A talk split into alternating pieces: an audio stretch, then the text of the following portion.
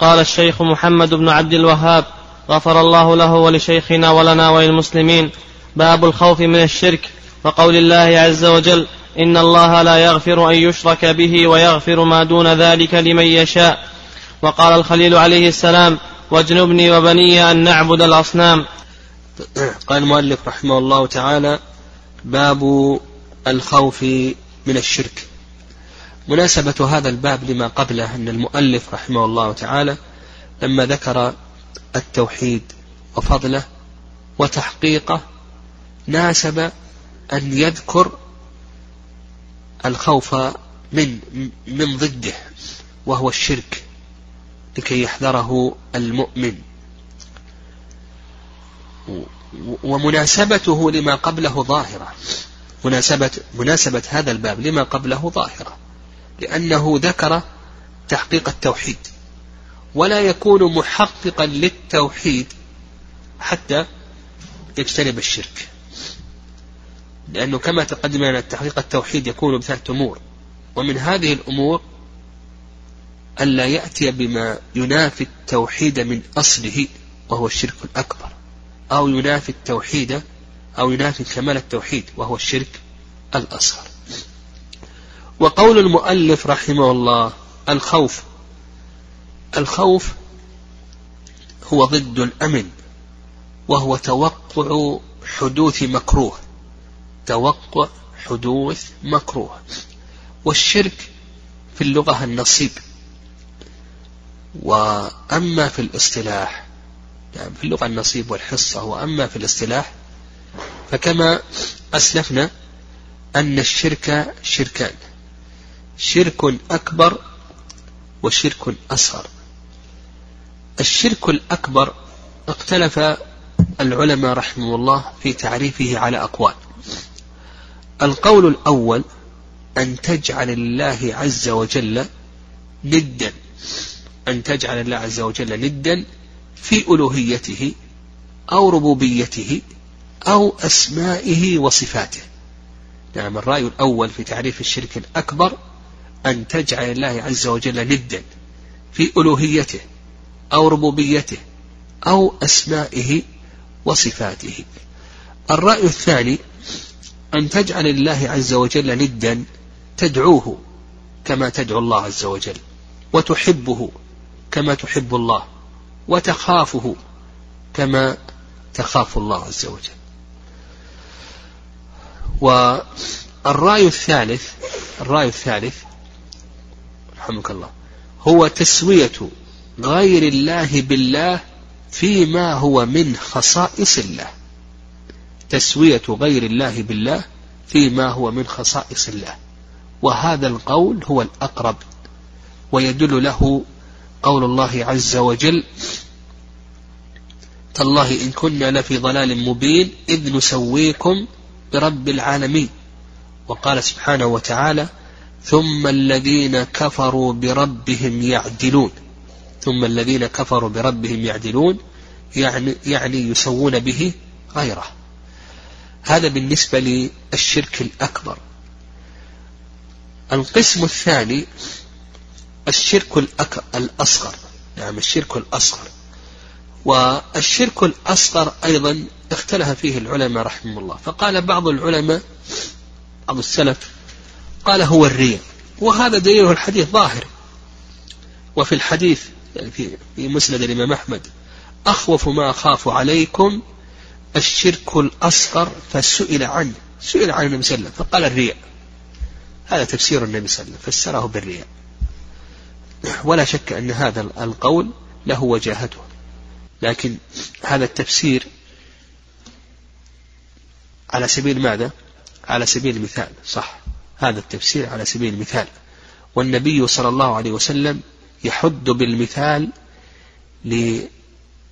لبيان الشيء أو للحاجة إلى هذا الشيء فيضرب به المثال. الرأي الثاني في تعريف الشرك الأصغر قالوا بأنه كل ما كان وسيلة إلى الشرك الأكبر. يعني كل ما كان وسيلة إلى الشرك الأكبر من الأقوال والإعتقادات. نعم من الأقوال والأفعال والإعتقادات. الرأي الثالث الرأي الثالث هو, هو كالرأي الثاني إلا أنه قيد. هو كل ما كان وسيلة إلى الشرك الأصغر إلى الشرك الأكبر وجاء في النص تسميته شركا. جاء في النص تسميته شركا. فجمعوا فيه بين أمرين. الأمر الأول ماذا؟ أن يكون وسيلة إلى الشرك الأكبر. والأمر الثاني أن أن أن ينص على أنه شرك. وهذا تعريف اللجنة الدائمة للإفتاء. ويظهر والله أعلم أن هذا القول أنه جيد. نعم أن هذا أجود ما قيل في تعريف الشرك الأصغر. طيب ما يترتب على الشرك الأصغر والأكبر من أحكام؟ أما الشرك الأكبر فيترتب عليه أحكام. الحكم الأول أن الشرك الأكبر لا يغفره الله. كما أورد المؤلف. إن الله لا يغفر أن يشرك به ويغفر ما دون ذلك لمن يشاء. فالشرك الأكبر لا يغفره الله. هذا الحكم الأول. الحكم الثاني أن الأعمال لا تنفع صاحبها مع وجود الشرك الأكبر. قال الله عز وجل وقدمنا إلى ما عملوا من عمل فجعلناه هباء منثورا. فجعلناه هباء منثورا. وقال سبحانه وتعالى ولقد أوحي إليك وإلى الذين من قبلك لئن أشركت ليحبطن عملك. وما منعهم أن تقبل منهم نفقاتهم إلا أنهم كفروا بالله وبرسوله. الحكم الثالث أن صاحبه غير معصوم بمعنى أنه حلال الدم والمال. أن صاحبه حلال الدم والمال. القسم الحكم الرابع نعم الحكم الرابع أن صاحبه لا يحل له أن يتزوج من مسلمة. نعم ولا تنكح المشركين حتى يؤمنوا. لا هن حل لهم ولا هم يحلون لهن. الحكم الخامس الحكم الخامس أنه إذا مات لا يغسل ولا يكفن ولا يقبر في مقابر المسلمين ولا يدعى له بالرحمة.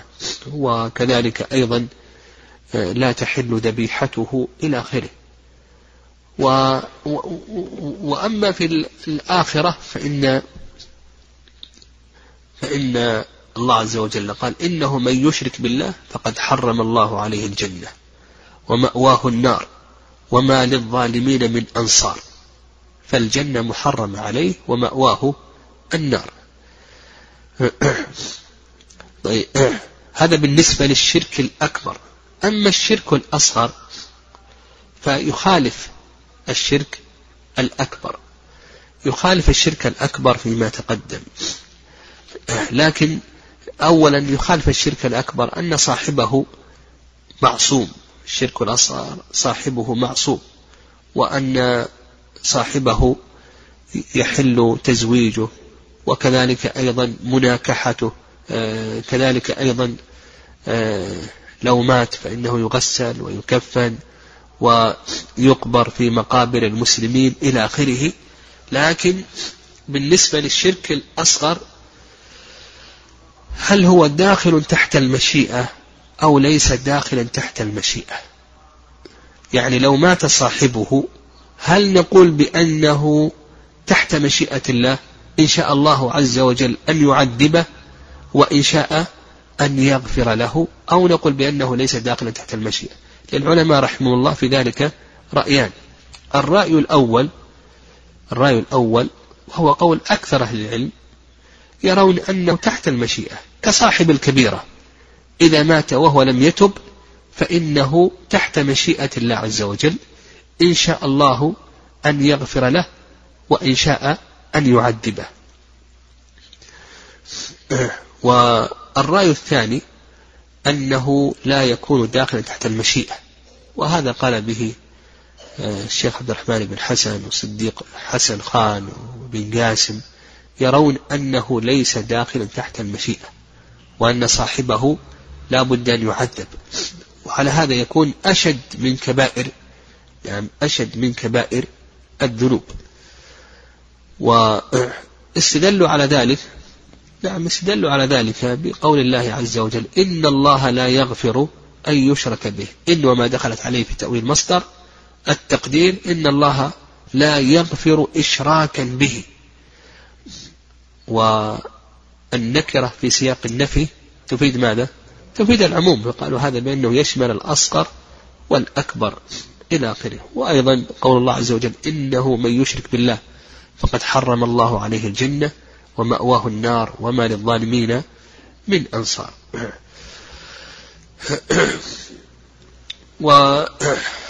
والرأي الثاني الرأي الأول يعني رأي أكثر أهل العلم وأجابوا عن الآيات. يعني قالوا بأن داخل تحت المشيئة ككبائر الذنوب أجابوا عن الآيات قالوا بأنها في سياق أهل الشرك من أهل الكتاب ونحوهم. وعلى كل حال على كل حال سواء قلنا بأن الشرك الأصغر داخل تحت المشيئة أو نقول بأنه ليس داخلا تحت المشيئة يجب على المسلم أن يحذر الشرك كله. سواء كان أكبر أو كان أصغر. وما الفرق بين الشرك والكفر؟ يعني ما الفرق بين الشرك والكفر؟ الكفر في اللغة الستر والتغطية ومنه سمي الفلاح كافرا لأنه يستر الحب في الأرض وسمي البحر أيضا كافرا لأنه يستر ما في جوفه. وأما في الاصطلاح فالكفر عدم الإيمان. نعم الكفر عدم الإيمان وهو تكذيب أو استكبار أو استحلال أو هو هو تكذيب أو الاستكبار أو الاستحلال أو الإعراض أو الشك بشيء مما جاء به الشرع المطهر. تكذيب أو الاستكبار أو الاستحلال أو الإعراض أو الشك مما جاء به الشرع المطهر. هذا هو الكفر. وهل هناك فرق بين الكفر والشرك؟ أو نقول بأن الكفر من قبيل المترادف. للعلماء رحمه الله في ذلك رأيان. الرأي الأول أن الشرك والكفر من قبيل الترادف. فكل كفر شركا وكل شرك كفرا. ولا فرق بينهما. والقول الثاني أن الشرك والكفر ليس من قبيل المترادف. بل كل شرك كفرا. وليس كل كفر شركا. فيرون أن أن الكفر أعم من الشرك. الشرك خاص بأي شيء؟ بقصد الأوثان. وصرف العبادة لها دون الله عز وجل. وأما الكفر فليس خاصا بهذه الأشياء. الكفر يكون في التكذيب كما قلنا في تعريف الكفر في التكذيب في الاستحلال في الإعراض في الشك في الاستكبار إلى آخره. فيرون أن الكفر أعم من أي شيء؟ من الشرك. وأن الشرك خاص بأي شيء؟ بقصد الأوثان ونحو ذلك. وعلى هذا يكون أعم. وهذا يظهر والله أعلم أن القول هو الأقرب. قال رحمه الله تعالى وقول الله عز وجل إن الله لا يغفر أن يشرك به. يعني أن الله سبحانه وتعالى لا يعفو عن عبد مات وهو يشرك به. تقدم لنا تعريف الشرك. ويغفر ما دون ذلك. يعني يغفر ما سوى الشرك. لمن يشاء. نعم لمن يشاء الله عز وجل أن يغفر له من عباده حسب فضله وحكمته. آه، آه، في هذا يعني وجه الشاهد من الآية ظاهر. فإن الله سبحانه وتعالى في هذه الآية أن الله سبحانه وتعالى لا يغفر الشرك. وتقدم لنا تقدم لنا أن بعض أهل العلم أنه أنه قال إن هذا يشمل ماذا؟ الشرك الأكبر والأصغر. فإذا كان الشرك لا يغفر فيجب على المسلم أن يخافه وأن يحذره. قال وقال الخليل عليه السلام واجنبني وبني أن نعبد الأصنام. الخليل هو إبراهيم عليه الصلاة والسلام وسمي خليلا لأنه بلغ أعلى درجات المحبة. واجنبني يعني اجعلني في جانب وعبادة الأصنام في جانب آخر. اجعلني في جانب وعبادة الأصنام في جانب آخر. وبني أن نعبد الأصنام. الأصنام أن نعبد الأصنام يعني أن نصرف لها شيئا من العبادات والأصنام جمع صنم وهو كل ما عبد من دون الله عز وجل على شكل صورة وتمثال على شكل صورة وتمثال. والفرق بين الصنم والوثن أن الوثن أعم من الصنم. الوثن هو كل ما عبد من دون الله عز وجل سواء كان على شكل صورة أو لم يكن على شكل صورة. لكن الصنم هو ما عبد من دون الله عز وجل على شكل ماذا؟ على شكل صورة حيوان. ووجه الشاهد من هذه الآية ظاهر.